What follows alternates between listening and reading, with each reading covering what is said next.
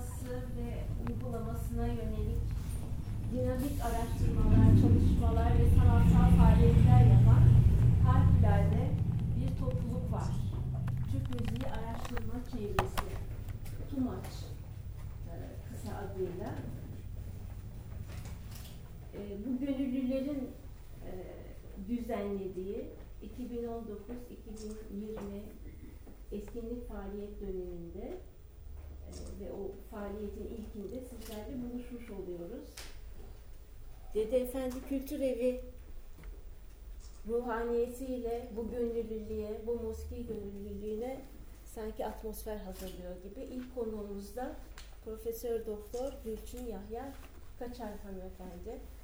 Kendisi hem eğitimci hem e, akademisyen ve daha da önemlisi sanatkar. Teşekkür Bize ederim. bütün yönleriyle e, bütünlediği bu e, özelliklerini sunacağı hem akademik yönüyle hem sunumuyla bize bir e, sunum gerçekleştirecek. Medeniyetin aktarımında iki üstad Yahya Kemal ve Cümşen Tanrı Korur isimleriyle. Ama müsaade ederseniz bir girizgah olmak üzere bir iki söz söylemek istiyorum. Hani el, emri fevkal edep terler. Hocamız dediler ki bir iki şey söyle girizgah olsun. Hocamızın e, sözüne binaen e, biliyorsunuz musiki aslında bir sonuç. Medeniyetin bir sonucu. Dolayısıyla medeniyetin sonucu derken şunu söylemek istiyorum. Ee, düşünüşlerimiz, hissedişlerimiz, fikirlerimiz, bütün bu medeniyet namına bizi var eden yani ontolojik, etik, estetik, hani felsefe diliyle söylersek, varoluşsal algımız, varlığı nasıl tanımladığımızdan tutun da iyi, güzel, doğru anlamında e, estetik bakımdan meseleye nasıl yaklaşıyorsak veya ilişkilerin unsurların birbiri arasındaki ilişkileri nasıl tanımlıyorsak etik manasıyla söylüyorum. Bütün bunların hepsini sanat eserlerinde bulabiliriz. Dolayısıyla bir sanat eserine baktığımızda ontolojiyi, etiği, estetiği onun içerisinde buluruz. Bu çok önemli bir konu. Sadece sanatın konusu değil, bir medeniyetin konusu. Dolayısıyla bir unsura baktığımızda ki musiki çok önemli bir alan. Ee, onu görebiliriz. Fakat görebiliyor muyuz gerçekten? Yahya Kemal diyor ki çok kimse anlamaz eski muskimizden ve ondan anlamayan bir şey anlamaz bizden. Bu söz sıradan bir mısra değil. Birazcık daha içine girerek baktığımızda nasıl yani bir şey anlamıyoruz? Bir şey anlayabilmemiz için işte dediğim, benim e, ifade ettiğim ontolojik, etik, estetik ögeleri de, o medeniyeti var eden unsurları da anlamamız lazım. O sanat eserine konumuz olduğu için Muski'ye öne çıkarıyorum, Muski'ye bakarken. Yahya Kemal aslında e, hocamız biraz sonra sunumlarını yapacaklar. Bir medeniyet insanı. Medeniyetimizi e, kutup yıldızı gibi. Hani ona bakarak yönünüzü bulursunuz ya, gösterdiği yere bakarsınız ya, onun gibi önemli bir şahsiyet. Bu bakımdan çok önemli. Şimdi mesela diyor ki Yahya Kemal, çok diyor sıradan diyor İngilizler Westminster'dan bir şey anlamazlar. Fransızlar da önünden gelip geçerler ama Notre Dame Katedrali'nin aslında ne kadar büyük ve şaheser olduğunu bilmezler. Böyle sıradan bir şey zannederler. Halbuki o bir şaheserdir. Neden? Çünkü medeniyetin temsilidir. O bir medeniyet sonucudur. Onun için sanat eserleri aslında temsil alanlarıdır. Bizi temsil ederler. Bizim bu bakımdan şaheserlerimizi tanımamız gerekir. Yahya Kemal şaheserlerimizi bize tanıtan çok önemli bir şahsiyet. Hocamızın sunumunu dinlerken bunun da altına ne olur kulağınızda olarak dinleyiniz. Mesela tam da mekanındayız. Dede Efendi'nin kainatını yazan bir şair. Itri şiirini yazan bir şair. Bu şu bakımdan önemli. Bize şaheserlerimizi gösteren bir medeniyet mütefekkiri. Yani Yahya Kemal bir şairdir, aynı zamanda bir tarih müderrisi biliyorsunuz Darülfünun'da. Yani eskiden mütefekkir diyorlar ya, düşünür yani. İlişkileri, medeniyeti, bunun ne manaya geldiğini, musikinin, mimarinin ne manaya geldiğini bize öğreten çok önemli bir isim. Mesela Süleymaniye'de hocamız, e, hocalarımız mimar, akademisyen, profesör, bu işin en üst seviyede eğitimini yapan, eserler veren e, şahsiyetler var önünde. E, mesela biz Süleymaniye'yi Yahya Kemal olmasaydı bilecek miydik? Bize Süleymaniye'de bayram sabahıyla bize o sıradan zannettiğimiz işte camilerden bir cami filan zannettiğimiz bir şeyin bir şaheser olduğunu bize gösteren çok önemli bir kutup yıldızı Yahya Kemal. Itri'yi, nevakarı bize işaret eden çok önemli bir şahsiyet. Biliyor musunuz eğer Yahya Kemal olmasaydı biz nevakarı hiç de bir şaheser olarak bilmeyecektik. Fransızların Notre çok geç öğrenmeleri gibi. Demek ki şaheserlerimizi tanımamız gerekiyor. Bu çok e, sıra dışı bir şey. Nitekim Yahya Kemal bu bakımdan sadece Türk musikisine değil, mimarisine de mesela şu şey de önemlidir. Mehmet Akif biliyorsunuz bu safahatsı e, Süleymaniye Kürsüsü'nden şiir galiba öyle başlıyor. Yani Süleymaniye Kürsüsü'nden yazılmış bir kitap var ama Süleymaniye yok. Ama Yahya Kemal'de Süleymaniye var. Yani sanat eseri var. Bu çok önemli bir hassasiyet. Şaheserlerimizi tanımak üzere gönlümüz açık, anlamaya çalışarak bakmalıyız. Yahya Kemal diyor ki, bana hep maziden bahsediyorsunuz diyor. Halbuki ben maziyi konuşmuyorum. Mazi, istikbal veya hal diye bir şey yoktur diyor. Yani tarih bilmem ne, o değil. Bunların hepsi bir bütün. O bütünün içinde biz sanat eserini sanatçılar ortaya çıkarıyor. Bir tarafı mazi, evet mazi.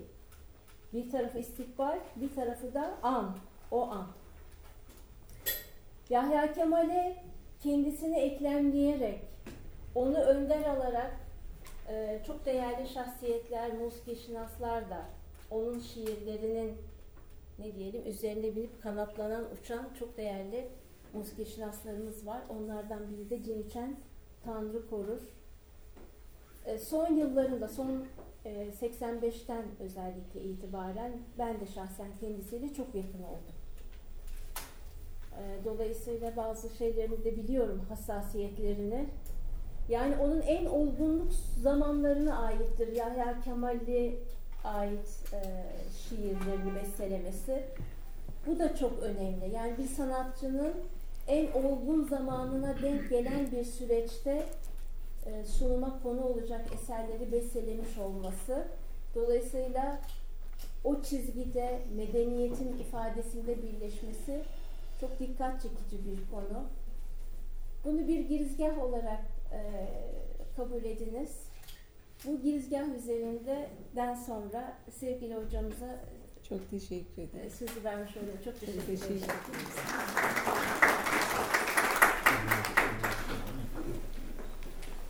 Güzel girizgahınız için öncelikle teşekkürlerimi iletiyorum. Ee, çok muhterem hocalarım, değerli meslektaşlarım e, ve saygıdeğer hazırım. Efendim hepinizi sevgili saygılarımla selamlıyorum. Hem İstanbul'da olduğum için hem de böylesine güzel bir mekanda sizlerle beraber olduğum için e, son derece mutluyum elbette ki. Nazik davetleri için başta Ruhi Ayangil hocam olmak üzere Türk Müziği Akademik Çevresi platformuna e, ve platformun düzenleme kuruluna, tüm üyelerine çok teşekkür ediyorum. E, efendim hazırlamış olduğum bir e, sunum var. E, Yahya Kemal ve Cinçen Tanrı Korur. E, gerçekten ikisi bu medeniyetin aktarımında büyük rol oynamışlar, hizmetkar olmuşlar. Müsaadenizle hazırladığım metin üzerinden e, devam etmek istiyorum. Efendim bazı şahsiyetler vardır ki kültür ve sanatımızın temsiliyeti ve o kültürün devamı noktasında hayati önem arz ederler. Medeniyetimizi ayna gibi yansıtırlar. Medeniyetimizin farklı değerlerini, yönlerini, unsurlarını ortaya koyarlar. Kültür yönünü, içtimai yönünü, sosyal yönünü, sanat yönünü, dini, felsefi, fikri, tarihi, edebi yönünü ortaya koyarlar. Ortaya koydukları Türk İslam kültürü ve medeniyetine ait yıldız gibi parlayan eserlerle zaman tünelinde farklı bir pencere açarlar. Açılan bu pencereden seyrettirdikleri ve gösterdikleriyle farklı alemleri görmemizi sağlarlar. Bu nedenle medeniyetimizi oluşturmada elbette ki pay sahibidirler. Yüzyıllar öncesinden uzayıp gelen bir hizmet zincirinin halkası olurlar. Bu halkalar içerisinde kültür ve sanatımızın adeta hizmetkarı olmuş iki önemli şahsiyeti bugün konu edinmek istedim. Efendim bir medeniyetin aktarımında iki üstad Yahya Kemal ve Cimşen Tanrı Korur konusu ile huzurlarınızda bulunmaktayım. Her iki üstadın musiki ve şiir sanatı aracılığı ile medeniyetimizi nasıl ifade ettiklerini, günümüze nasıl taşıdıklarını, sanatları ile kültür aktarımını nasıl sağladıklarını, sözlü aktarımın sadaya dönüşerek bıraktığı etkiyi ve kalıcılığını, medeniyetimizin oluşumunda sanatlarımızın gücünü ve etkisini dilim döndüğünce sizlere arz etmeye çalışacağım.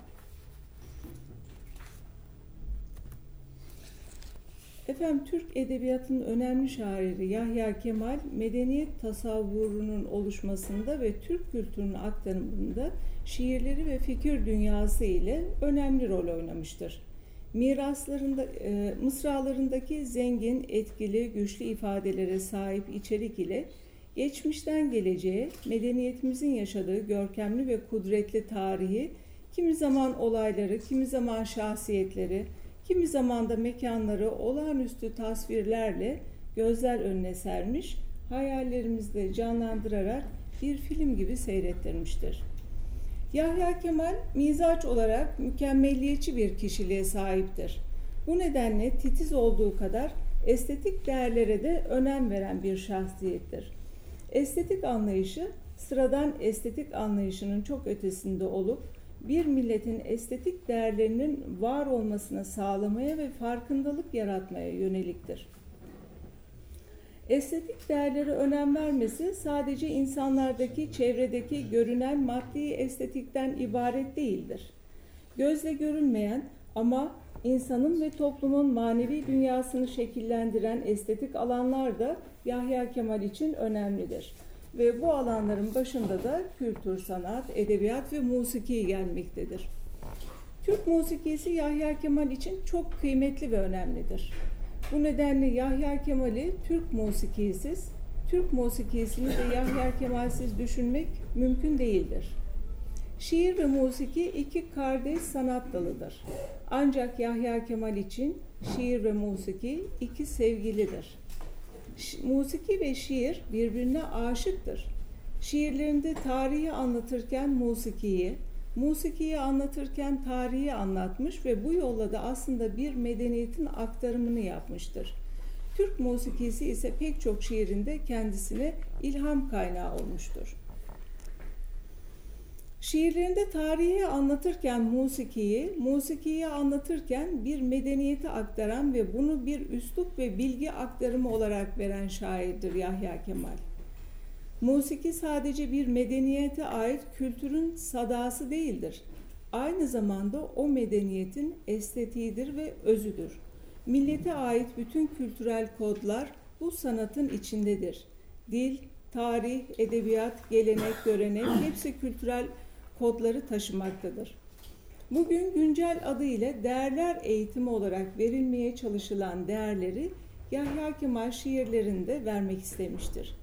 Yahya Kemal'i anlamak demek eski musikiyi anlamak, eski musikiyi anlamak demek medeniyetimizi anlamak demektir.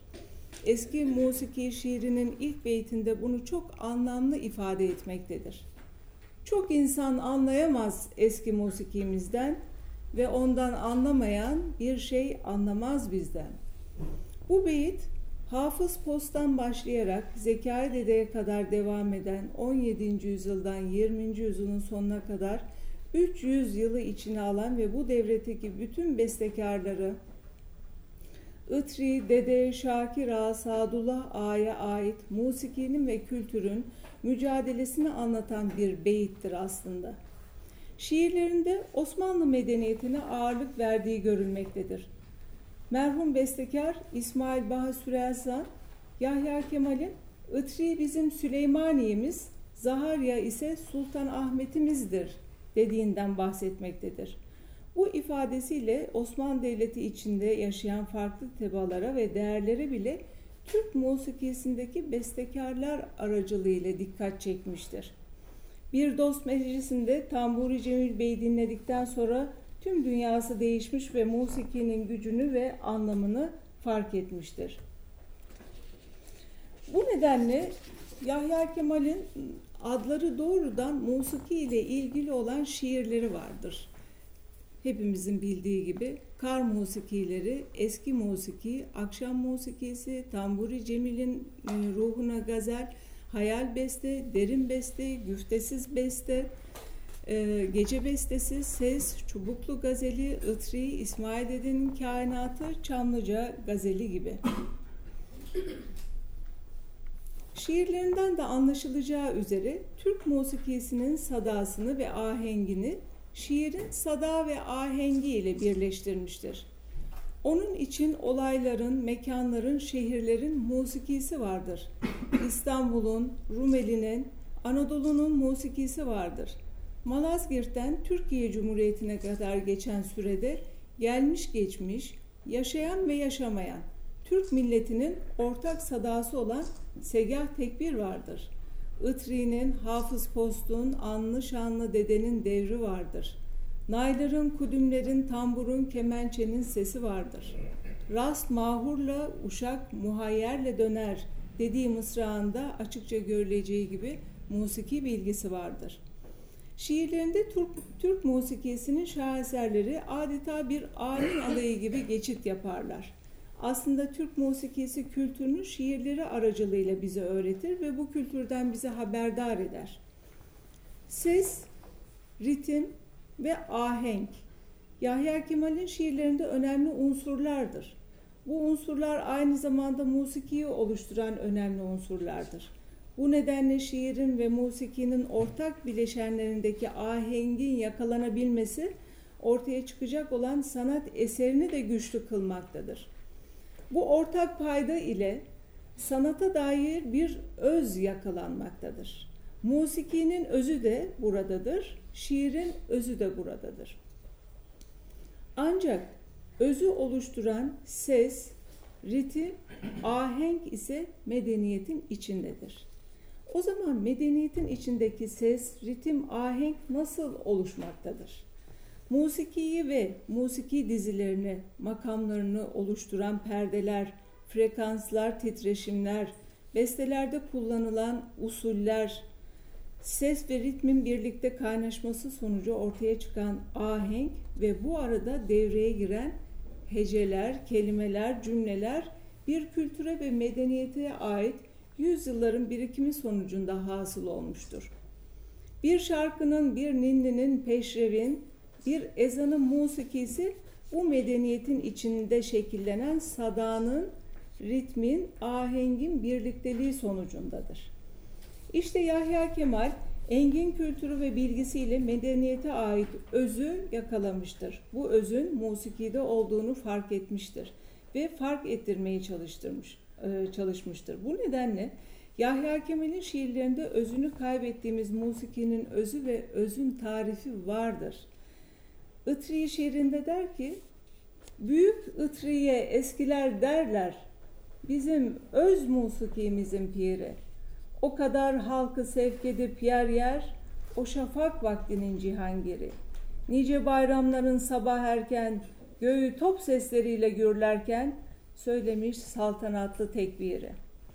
Yahya Kemal'in şiirlerinde basit, popüler, yüzeysel duyguların olmadığı görülmektedir. Bestekar için şiirlerdeki derinlik, anlam, duygu önemlidir.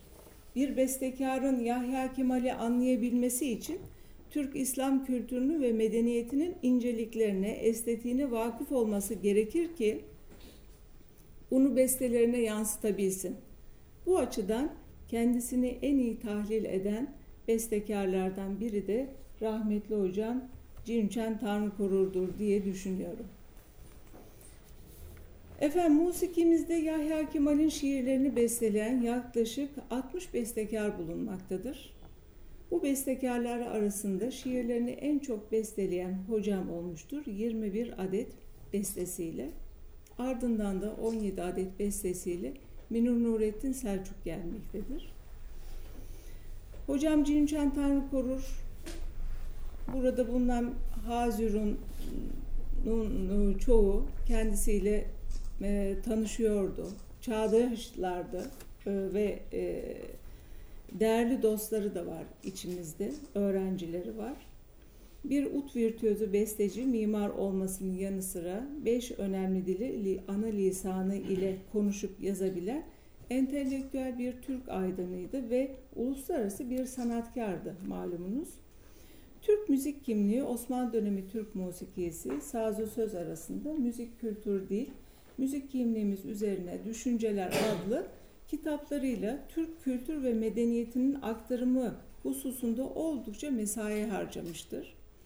Ut icracılığı, besteciliği dışında hemen hemen bütün mesaisini Türk kültür ve medeniyetinin aktarımı için, bu bilincin oluşması için ve özellikle de gençliğin farkındalığını arttırmak için yazarak ve konferanslar vererek harcadı. Bu konuda hassasiyet sahibiydi. Kültür sanat çevrelerince 21. yüzyılın dede efendisi Hafız Postu gibi payeler de verilmişti kendisine. Çünkü günümüzün yozlaşmış ve nitelik olarak oldukça değer kaybetmiş bestecilik anlayışının yanında hocamın besteleri 14 ila 18. yüzyılın musiki nameleriyle karşımıza çıkan bestecilik anlayışı vardı. Bu yüzyılda klasik üslupla eser bestelemenin yanı sıra özgün besteleri de vardı. Mesela Güneşe Köprü, Susamurun'un Aşkı, Cambazlar, e, Yağız Küheylan e, gibi eser besteleri. Ancak Türk musikisi makam anlayışından taviz vermeyen nameleri, teknik icra zorlukları ve en üst düzeyde musiki bilgisi gerektiren eserleri icracılar için oldukça zorlayıcıdır ve bize 505 bestesiyle bir Türk musikisi hazinesi ve armağanı bırakmıştır. Allah rahmet eylesin. Hocam Yahya Kemal şiirlerin besteciliğinde alışılagelmiş bestecilik formlarının dışına çıkmıştır. Türk musikisinde destan ve bes, e, fantezi eserleri mevcuttur elbette ki ama biçim anlayışı olarak Yahya Kemal'in şiirlerinin uzunluğu nedeniyle de farklı biçimler oluşturmuştur. Rahmetli hocam Cünşen Tanrı korur. Ee, Yahya Kemal şiirlerinin çoğu aruz vezniyledir biliyorsunuz. Ve aruz vezninin birbirliği uyumlu kelimeleri, ritmik kalıpları, ses uyumu, kafiyeleri e, içerisinde ahenkle de dans eden mısraları bir şarkının, bir bestenin adeta ana iskeletini oluşturmaktadır. Ve bestekarlar içinde biçilmez kaftandır. Rahmetli hocam da e, aruz vezniyle yazılmış şiirleri bestelerinde tercih ederdi. E, ve bu birliktelik Yahya Kemal'le olan birliktelik sadece bundan dolayı değildi elbette ki. Ruhen ve fikren aynı kültürü terennüm eden iki üstattı. Her ikisinin görüşünde de medeniyet, kültür, dil, tarih, musiki yüceltilmesi gereken değerlerdir. Farklı yıllarda yaşamış olmalarına rağmen havas bir kültür oluşturmada hem fikirdirler. Yahya Kemal vefat ettiği zaman Cinçen Tanrı Korur hocam 20 yaşında üniversitede bir gençtir. Ancak Yahya Kemal şiirlerini 47 yaşından sonra bestelemeye başlamıştır. Kanaatimce Yahya Kemal'in şiirlerini en iyi besteleyen, onun medeniyet tasavvurunu en iyi yorumlamaya yorumlayan, aynı fikri mücadelesini veren ve onu musikiye dönüştüren bestekarlardan biri rahmetli hocamdır diye düşünüyorum. Ve hayatı da milli musiki mücadelesini vermekle geçmiştir. Yahya Kemal'in şiirlerinden e, yapmış olduğu bestelerin listesini görüyorsunuz. Süleymaniye'de bayram sabahı, ıtri, muaş türküsü, sonbahar, kar musikileri, eski musiki, musiki ile ilgili pek çok şiirini besteledi hocam. Bunların içerisinde en önemlisi Süleymaniye'de bayram sabahı olduğunu düşünüyorum. Yarım saat sürmektedir bu beste. Tabi süresinden dolayı da değil, e, Süleymaniye'de bayram e, sabahı e, şiiri Yahya Kemal'in kendi Gök Kubbemiz adlı kitabında yer alan ve en önemli e, şiiri ve 86 mısradan oluşmaktadır. Türk edebiyatındaki milli manzume olarak kabul edilmektedir. Ve e, kendi gök kubbemiz ifadesini çok sevdiği de bilinmektedir Yahya Kemal'in ve Kanuni Sultan Süleyman tarafından yaptırılan ve Türk İslam mimarisinin muhteşem sanat abidesi olarak kabul edilen bu gök kubbe altında yaşayan ve geçmişte yaşamış olan dili, dini, tarihi, sanatı, geleneği, göreneği bir olan Türk İslam kardeşliğinin birleştiği bir yer olarak bu mekanı seçer ve 900 yıllık tarihi bir seyri Türk milletinin kahramanlıklarını Malazgirt zaferine ayrı bir önem atfederek milli ve manevi yönleriyle anlatmaktadır. Nihat Sami Banarlı Yahya Kemal'in Hatıraları kitabında Yahya Kemal'in Malazgirt'i bir başlangıç olarak kabul ettiğinden ve 1071'den sonra Anadolu'ya, Rumeli'ye, e, İstanbul'a, Rumeli'ye sonra İstanbul'a yerleşerek yeni ve yaratıcı bir millet oluşumuzu görmeye çalıştığını ifade etmektedir. Yahya Kemal şiiri 1957 yılında yazmıştır. Tanrı Korur Hocam ise 1991 yılında 34 yıl sonra Washington'da bestelemiştir. Şiirin tamamının bestelenmesi düşünüldüğünde alışılagelen Türk musiki formanından çok e, farklıdır elbette ki çok uzun bir beste olduğu için. Hocam Türk musikisi ana dizisi olarak rast makamını kabul ederdi ve Türklerin ağır vakurlu ihtişamlı namelerini en güzel yansıtan makam olarak düşünürdü. Bu nedenle rast destan olarak yapmıştır, bestelemiştir. Ancak bestede 20 adet makam, 30 adette geçki olmak üzere toplam 50 makam kullanmıştır. Bu 50 makam ay, e, bir seyri natık inceliğiyle adeta bir makam şöleni ne dönüşmüştür bestede. Yahya Kemal'in şiirlerinde e, tasvir fazlasıyla mevcuttur. Hocam da eserlerinde Yahya Kemal'in ifadelerini musiki nameleriyle tasvir etmeye etmiştir. Ben Deniz bestelerdeki bu özelliğe musiki tasviri e, adını vermekteyim. E, bilmiyorum daha önce acaba bu terim kullanıldı mı da e, içinizde bilen varsa teyiden, teyit de etmek isterim. Musiki tasviri yeni bir terminoloji olarak ben kullanıyorum ama e, faydalı olur e, veya e, varsa da bilemiyorum. E, yaptığım araştırmalarda rastlamadım. Tasvirde sanatçı çeşitli edebi sanatlara başvurarak hislerini katarak hayal dünyasında süslediği olayları güçlü ifadelerle anlatır. Yahya Kemal'in şiirlerinde kullandığı tasvirleri hocam da musiki bestelerinde musiki nameleriyle notaya dökmüştür ve şairin tasvirlerini bestekar namelerle anlatmaktadır. Ee, artarak gönlümün aydınlığı her saniyede mısrağında rast makamdaki perdeler artan gönül aydınlığını tasvir ederek pesten tize doğru yükselmektedir. Şimdi bugünkü sunumda ben e, Süleymaniye'de bayram sabahının tüm tasvirini çıkardım aslında.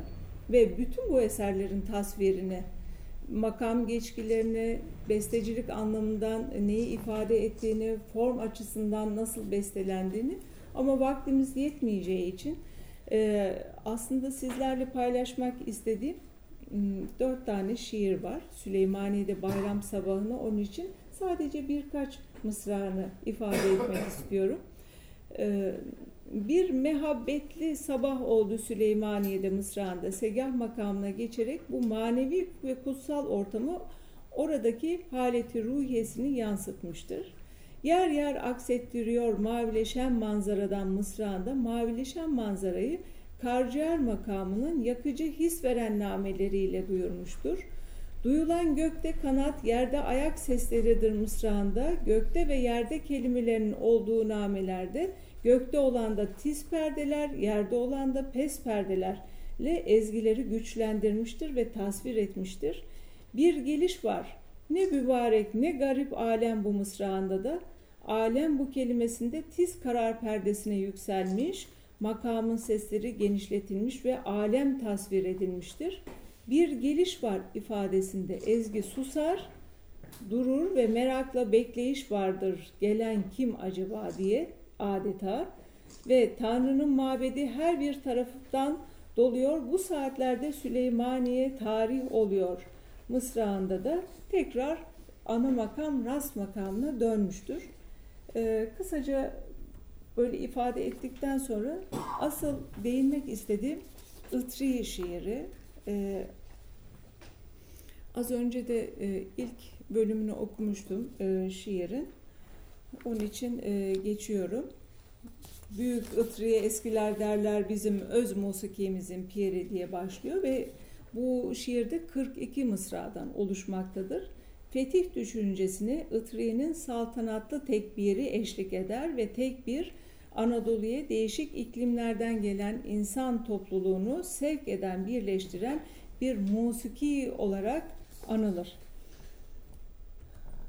Ta bu dinden Irak'a, Mısır'a kadar birbirinden farklı dille konuşan, farklı geleneklere, göreneklere, farklı ulusal renklere bulanmış, Müslümanlığa sahip insan topluluğu bir araya toplayıp 700 yıl süren hikayemizi ihtiyar çınarların benliğine sindirerek bize dek getiren işte bu tekbirdir.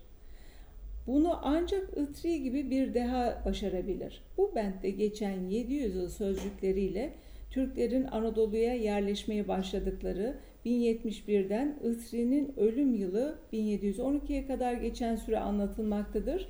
Her şey hüznümüz, şevkimiz, Kederlerimiz bu müzikle anlam kazanmakta. Itri'nin günümüze ulaşabilen bestelerinden aldığı izlenimleri e, ifade etmektedir.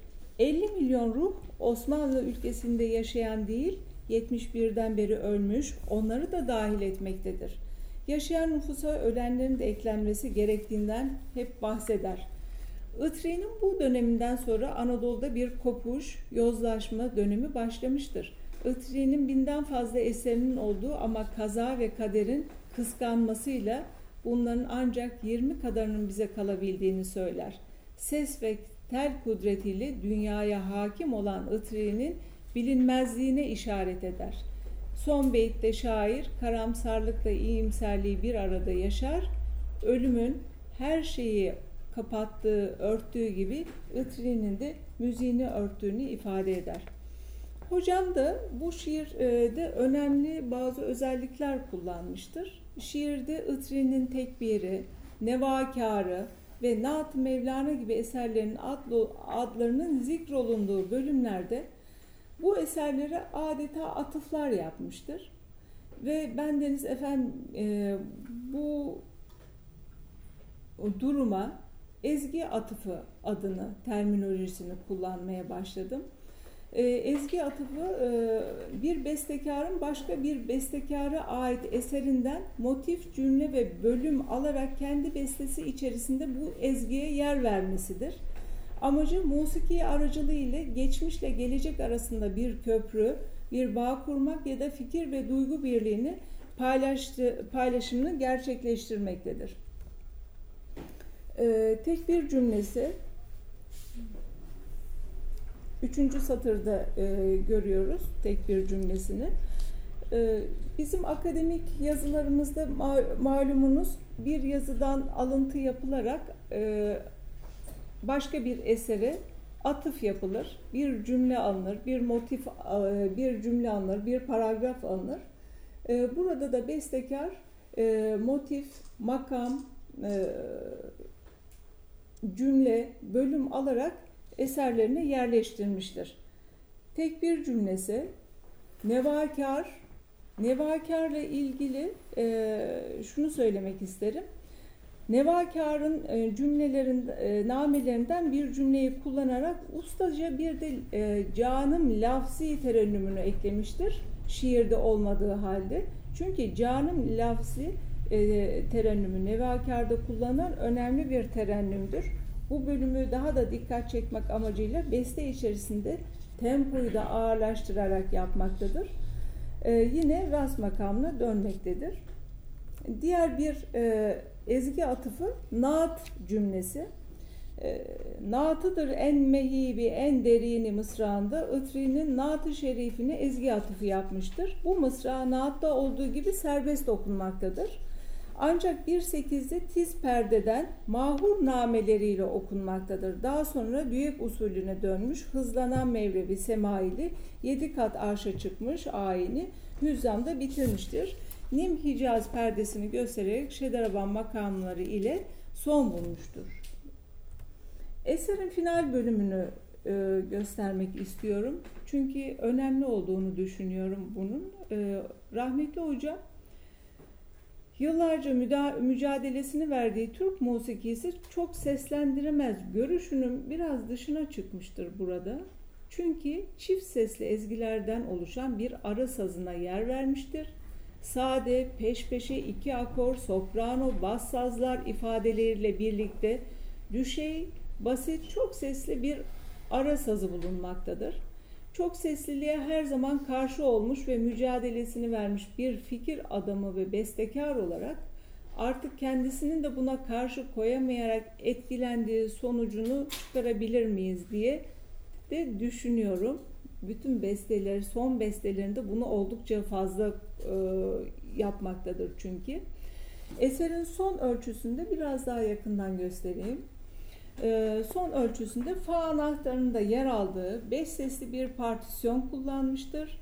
Gemiler geçmeyen bir ummanda mısrağında bulunduğu cümlede Batı musikisi etkisiyle basit bir çok sesli ezgi kullanarak sonlandırmıştır. Hocam Türk musikisi içinde yatay bir çok sesliliğin olduğun fikrine sahipti. Bunu başka hocamla ilgili konferanslarda anlatıyorum aslında. Eser boyunca e, kainattaki seslerin aynı anda duyulmasının bir mahsur teşkil etmeyeceğini düşünmüş olsa gerek diye düşünüyorum bir öğrencisi olarak. Çünkü eser boyunca klasik üsluba ve makam yapısına uygun bir bestecilik anlayışı ve sonunda klasik üsluba uymayan ama makama uyan görkemli, gösterişli, güçlü bir final vardır burada. Staccato, puandor gibi işaretlere de yer vermiştir. Ancak asıl ezgide kendi ifadesiyle ras makamında meragi üslubunu kullandığını ifade etmektedir. Musiki bilgisinin de aslında burada derinliği de görülmektedir. Hem Batı musikisine hem Türk, Türk musikisine vakıftır. Kar musikileri şiiri e, 1927 yılında Yahya Kemal Varşova'da gurbet acısı ve hasretiyle yazdığı meşhur şiiri Hocam 1990 yılında tam 63 yıl sonra bestelemiştir. Gurbetin yaşattığı hüzünle besteye, namelere dökmüş ve muhteşem bir eser ortaya çıkmıştır. Kaderin cilvesi diyelim. Ne büyük rastlantıdır ki her iki üstad da biri e, bu eserleri yazarken memleketlerinden çok uzaktadırlar. Vatana özlem, hasretlik duyguları, hüzün, efkar, acı hepsi birleşmiştir bu şiirde. E, hocamın da 200 evet e, Varşova'da büyükelçiyken e, yazmıştır Yahya Kemal. Hocamın da 208. bestesidir. Hicaz makamının efkarlı ve hüzünlü nameleri ile bütünleştirir. Bin yıldan uzun bir gecenin bestesidir bu mısra ile beste ağırca başlamaktadır. Son tefi ile de bestesidir bu kelimeleri tekrar eder ve adeta rüzgarın savurduğu kar tanelerini andıran bir hızla ara sazı kullanarak ikinci mısraya bağlar. Tabi burada bütün notaları veremiyorum görsel olarak. Ee, hocamın bestelerinden bakabilirsiniz. Bin yıl sürecek kar sesidir bu, kar sesidir bu. Hızlı ara namelerle, ara sazlarıyla ikinci beyte bağlar. Ve ikinci beytte musiki ağırlaşır. Bir kuytu manastırdaki dualar gibi gamlı yüzlerce ağızdan koro halinde devamlı beytinde musiki adeta dua edercesine ağırlaşır. Eser boyunca bağlantı sazları yoğun yağın yoğun karın ve fırtınanın etkisini yansıtırcasına hızlı, inişli, çıkışlı bir nameler zincirinden oluşmuştur. Bir erganun ahengi yayılmakta derinden. Duydumsa da zevk almadım İslav kederinden. Erganun bir batı çalgısıdır ve kilisede ayinde koro eşliğinde ilahi okumalarında eşlik çalgısı olarak kullanılmaktadır. Yahya Kemal bu ahenkli musikiyi her ne kadar duyduysa da zevk almadığından bahseder. Zihnim bu şehirden, bu devirden çok uzakta ve tamburi Cemil Bey çalıyor. Eski plakta mısrağında Tanrı korur hocam da namelerde ustalıkla uzaklaşır ve başka bir makama, Şederaban makamına geçiş yapar. Çünkü Yahya Kemal'in milli musikiyi fark etmesini sağlayan Tamburi Cemil Bey'in adı bu mısrada geçmektedir. Tamburi Cemil Bey demek öncelikle Şederaban Saz Semaisi demektir. İlk akla gelen bestesidir. Saz Semaisi'nin bu bölümünde hocam yine bir Şederaban cümlesine e, ezgi atıfı yapmıştır. Ve Şederaban e, Saz Semaisi'nin bir bölümünü tambur solosu olarak e, beste içine yerleştirmiştir. Fa si la sol fa mi re mi fa sol la si do re mi re do mi re la si do re do si la sol la si la sol fa mi fa sol la fa mi fa mi re re diye tambur e, icrada bulunur ve sonra eser tekrar devam eder. Ee, evet. Bestekar burada ezgi atıfı yapmıştır. Birdenbire mesudum işitmek hevesiyle e, burada bir ah hecesi ilave etmiştir hocam. Türk musikisinde ah, aman ve of hecelerinin hem bestecilikte hem de ses icracılığında ayrı bir önemi olduğunu düşünmekteyim. Bestekar da ülkeye olan özlemini, hasretini ah lafzi ile pekiştirmiştir. Washington'dadır çünkü hocam da o zaman. Bestekar da gurbette, şair de gurbette ve İstanbul'a özlem dolu bir iç acısı ile ev iç perdesine yükselen ah hecesiyle duyurmuştur. İstanbul, siz değerli misafirler İstanbul'da yaşadığınız için bunun hengamesi, İstanbul'un hengamesiyle bu güzel şehrin e, güzelliklerini belki fark edemiyorsunuz. Ama biz hep şiirlerdeki o İstanbul'u görmek görüyoruz. Burada yaşamadığımız için. O İstanbul'un bu hengameli yönünü hiç görmüyoruz. Gelirken trafikte şunu düşündüm. Yahya Kemal'in şiirlerindeki İstanbul değil, buradaki İstanbul, yaşanan İstanbul çok zor ve Yahya Kemal'in İstanbul'u çok değişmiş durumda. Onu gözlemlediğimi söyleyebilirim. Gönlüm dolu İstanbul'un en özlü sesiyle sandım ki uzaklaştı yağan kar ve karanlık. Uytu, uykumda bütün bir gece, körfezdeyim artık. Burada artık musiki de kar da sanki çok uzaklarda kalmış ama her iki üstad da bedenen ve bedenen vatandan ve İstanbul'dan binlerce kilometre uzakta da olsalar kalben ve ruhen İstanbul'da körfezdedirler artık. Mekanlar boyut değiştirmiştir. Nameler boyut değiştirmiştir. Ruhlar boyut değiştirmiştir. Fırtınalı yağan kar taneleri artık uzaklaşmış ve bestekar ana makama, Hicaz makamına dönerek bütün bir gece körfezde olmanın huzuru içinde körfezde olduğunu düşünerek sazı ve sesi namelere bırakmıştır. Bestenin sonunda.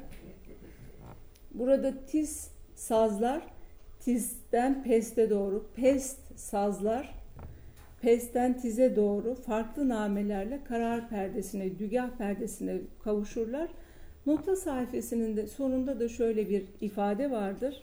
Türk musikisinde koroyu ilk defa kullanan Mesut Cemile ithaf etmiştir hocam bunu. Tamburi Cemil Bey'in oğlu olduğu için diye düşünüyorum. Efendim üçüncü bir de kaybolan şiir e, üzerinde konuşmak istiyorum. Üçüncü şiirimiz eski musiki. Ee, şair bu şiirinde kültür ve müzik ilişkisi konusunda düşüncelerini özetler. Itri'nin, Seyit Nuh'un, Hafız Post'un adları anılarak yaptıkları işin dahice olduğunu belirtir yaşadıkları dönemi o mutlu devre diye nitelendirir. Yahya Kemal'in kurmak istediği köprünün geçmişte kalan yakasıdır o. Üstadların, kemençelerin, tamburların Çamlıca'da ve Kanlıca'da dinlenmesi gerektiğini söyler. Çünkü bu sazların her telinde vatan duyulur. Şerefli bir alem açan eski üstadlara dönen şair, onların 150 yıl boyunca sıra dağlar gibi birer birer yüceldiğini söyler. Eski musikinin görkemine vurgu yapmaktadır. Dedenin ölümü bir dönemi kapatır ve ondan sonra Yahya Kemal'in zevkimizi başka iklimlerin bestecileri, sanatçıları eğitti sözünde anlatmak istediği gibi kopma, dağılma dönemi başlamaktadır. Burada Giriş sazı ile beste başlamaktadır. Çok insan anlayamaz eski musikimizden mısranın sonunda yine bir ah lafzı vardır. Çünkü bu büyük bir medeniyet ve kültür mücadelesidir. Tanrı korur hocam da bu durumu bir ah çekerek çok dertli olduğunu hissettirmeye çalışmıştır. Açar bir altın anahtarla ruh ufuklarını mısranda ise adeta ufuklara çıkmış gibi tiz segah tiz çargah perdelerini çıkarak oralardan sesler duyurur. Baştaki giriş sazı çeşitlemelerini yapar, tiz çargah perdesinde kalış yapar ve en büyük bestekar olarak kabul ettiği Itri'nin adını yüksek bir perdeden duyurur. Peş peşe dalga gibi namelerle Hafız Poz, Seyit Nuh'un adını duyuran nameler gelmektedir.'' 30 16'lık e, namelerle. Türk musikisine büyük eserler bırakmış bu e, şahsiyetlerin dalga dalga gelerek medeniyetimizde var olduğunu tasvir etmeye çalışmıştır. Daha sonra beste ağırlaşır. Vakurlu Türk neslini Buselik makamını ile tasvir etmeye başlar. Yaylı tambur solo olarak usulsüz namelerle taksim yapar. Tek tambur eşliğinde bir erkek sesi ile beste devam eder ve İstanbul'un sesini daha iyi dinletebilmek için sadece tek bir erkek ses icraya yönelmiştir bestede. Tiz Hüseyin'i perdesine çıkarak tiz seslerde ara sazı kullanmıştır. Bu neslin bir alem açtığından bahisle yüksek perdelerde dolaşır şerefli ve kudretli alimi anlatmak için Itri'den 150 yıl sonra dedenin anlı şanlı devri gelir mısrağında çok forte ifadelerini kullanmıştır. Dede Efendi gibi büyük bir bestekarın gelişine dikkat çekmek istemiştir. O musikiyi o son kudretiyle parlattı mısrağında ah lafzını yine bir hüzünlü ve kederle ilave etmiştir. Bu Nimhisar perdesinde duyulur. Bestenin bitiminde nameyi tiz perdelerden pes perdelere doğru indirerek güneşin batışını tasvir etmiştir. Kaybolan şehir ve son e, şiirimiz. Kaybolan şehrin adını ilk adı Üsküp e, olarak e, biliniyor. Ahmet Hamdi Tanpınar'ın nakliyle ifade ediyorum. Üsküp mutlaka beyit sonunda her beytin sonunda düşündüğünü ifade eder e, etmiş Tanpınar. Üsküp e, Sultan Fatih'in yadigarı olarak elimizden çıkması Yahya Kemal'i derinden üzen hadiselerden biridir. Üsküp'te geçen çocukluk yıllarını çok düşkün olduğu annesini ve onu toprağa vermesini, gençlik çağlarını, yaşam e, yaşamadan oradan ayrılışını, her zaman hasret kaldığı toprağına için e, toprağı için üzüntüsünü anlatır. Hocam, evet.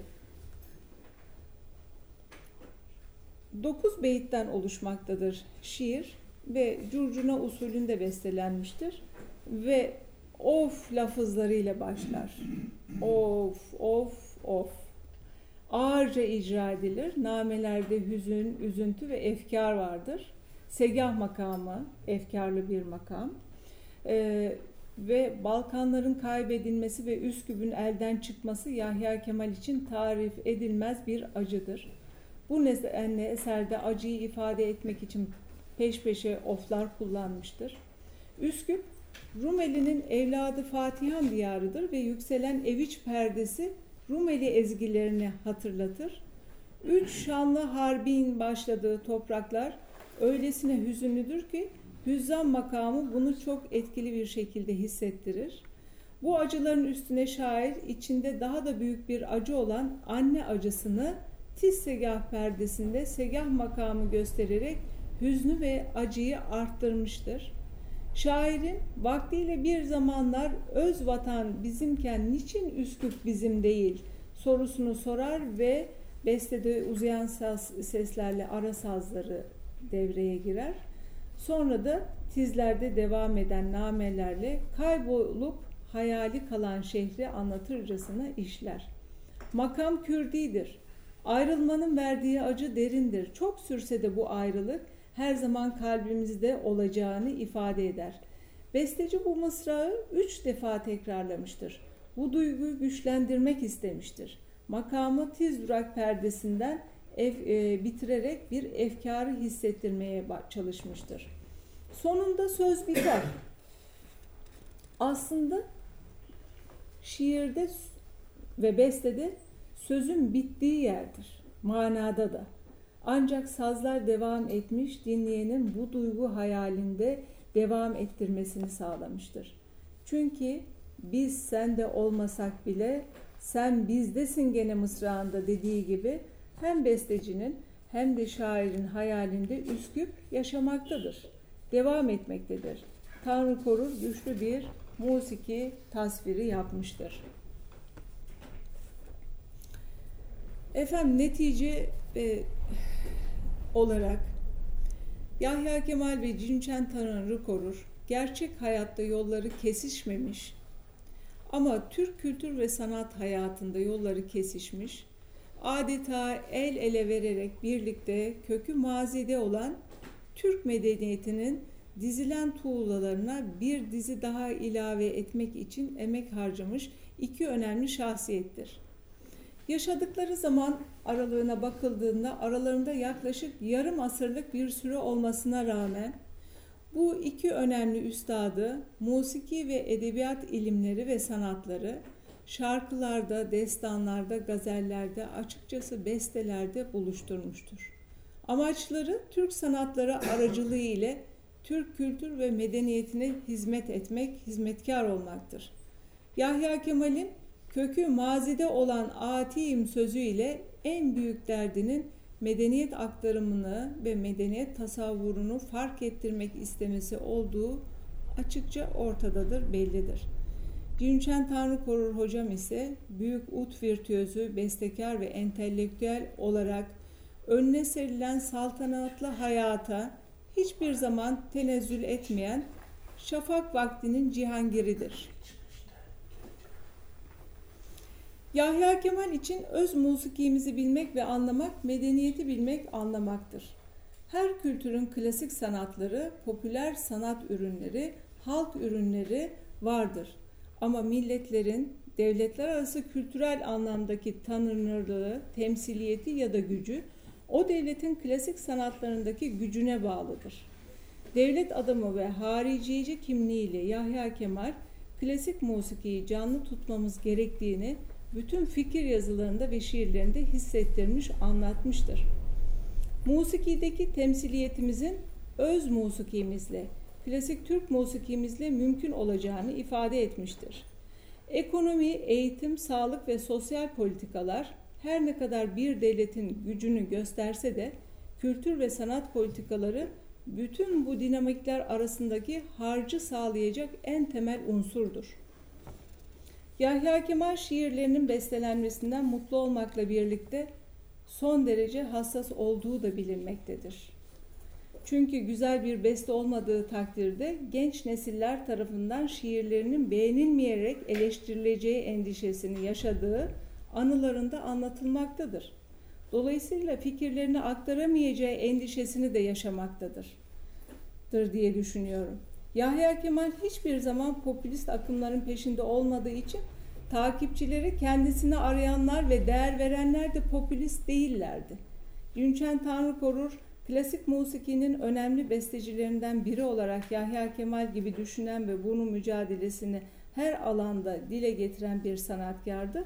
Bu nedenle 21 adet bestesini yaptı. Şiirler mana ve mahiyeti itibariyle Türk edebiyatı ve medeniyetine damgasını vurmuştur. Zira değeri her geçen gün daha da çok anlaşılmakta ve sürekli araştırılmaktadır. Türk tarihi, musikisi, hayatı, mekanları, şahsiyetlerine ait derin mana yüklü tasvir ve anlatımları ile şiirlerinde ahenk, ritim ve musikinin yakalandığı görülmüştür. Yahya Kemal'in şiirlerindeki ritim, tempo, ton, burgu, ahenk ve hatta kelimelerin musikisi fonetik bilimi açısından da önemlidir. Şiirlerinde musikiden ne anlaşılması, nasıl bakılması gerektiğini de mısralarında anlatmıştır. Yahya Kemal e, bestecilik, nazariyat, musiki kültürü, musiki tarihi açısından yapılmış olan bu şiirler e, ve besteler tabii ki çok önemlidir. Yahya Kemal'in sohbetlerinde sıkça bahsettiği konulardan biri geçmişten devir alan devir alınan musikinin sürekli tekrar etmek ve üzerine yeni bir musiki bestecilik anlayışı çevirememektir. Bugün Türk musikisinde yaşadığımız en önemli sorunlardan biri budur. Beste üretememek, üretilen besteyi tüm teknolojik imkanlara rağmen yeterli sayıda dinleyiciye ulaştıramamak, dinleyicinin bu musikiyi kavram, kavramasındaki problemi kastetmeye çalışıyorum. Beste ve bestekar sayımız yok olma noktasına gelmiştir. Günümüzün ve çağımızın bestecilik anlayışı oluşturulamamıştır.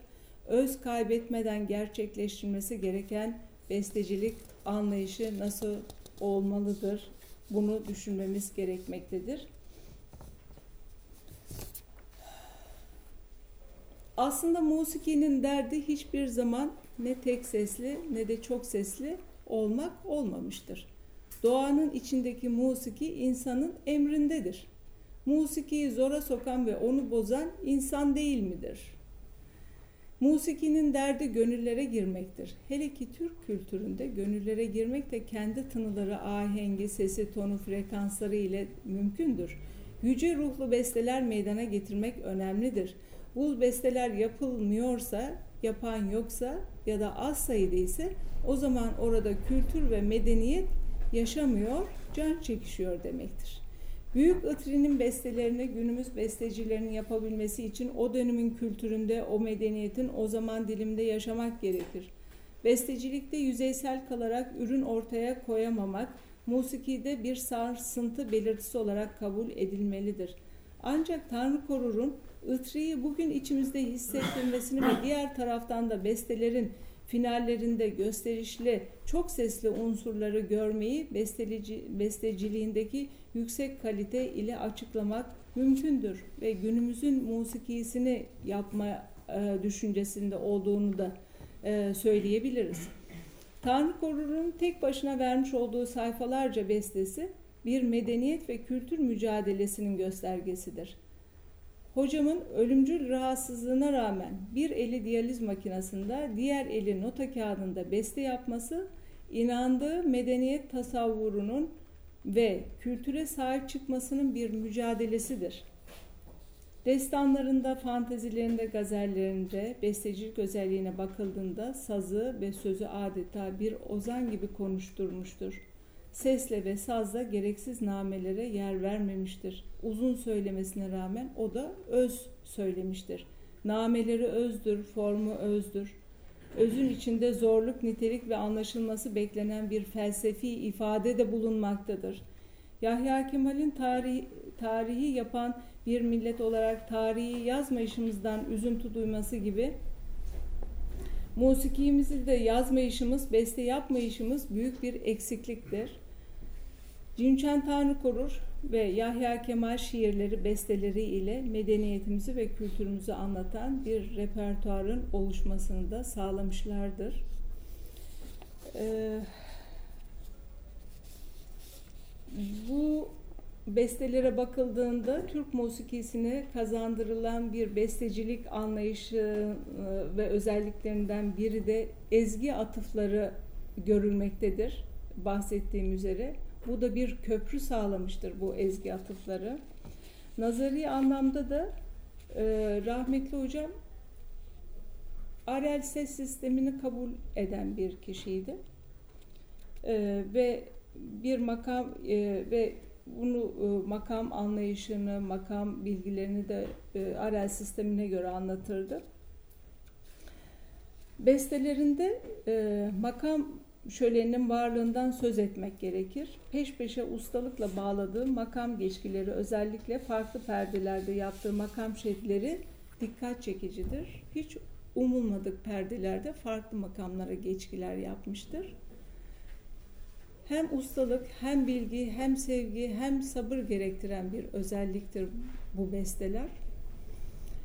Yahya Kemal'in vefatının üzerinden 60 yıl Cinçen Tanrı Korur hocamın vefatının üzerinden 19 yıl geçmiştir.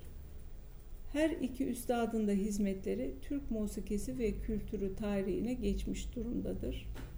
Musiki her şeyden önemli bir kültür ve medeniyet ürünü olarak görülmelidir.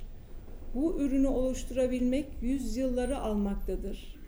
Büyük bestekar Itri Hafız Şirazi'nin şiirleri ile bestelerini vermiştir Cinçen Tanrıkorur ise ondan 400 yıl sonra Yahya Kemal'in şiirleriyle beste yapmıştır.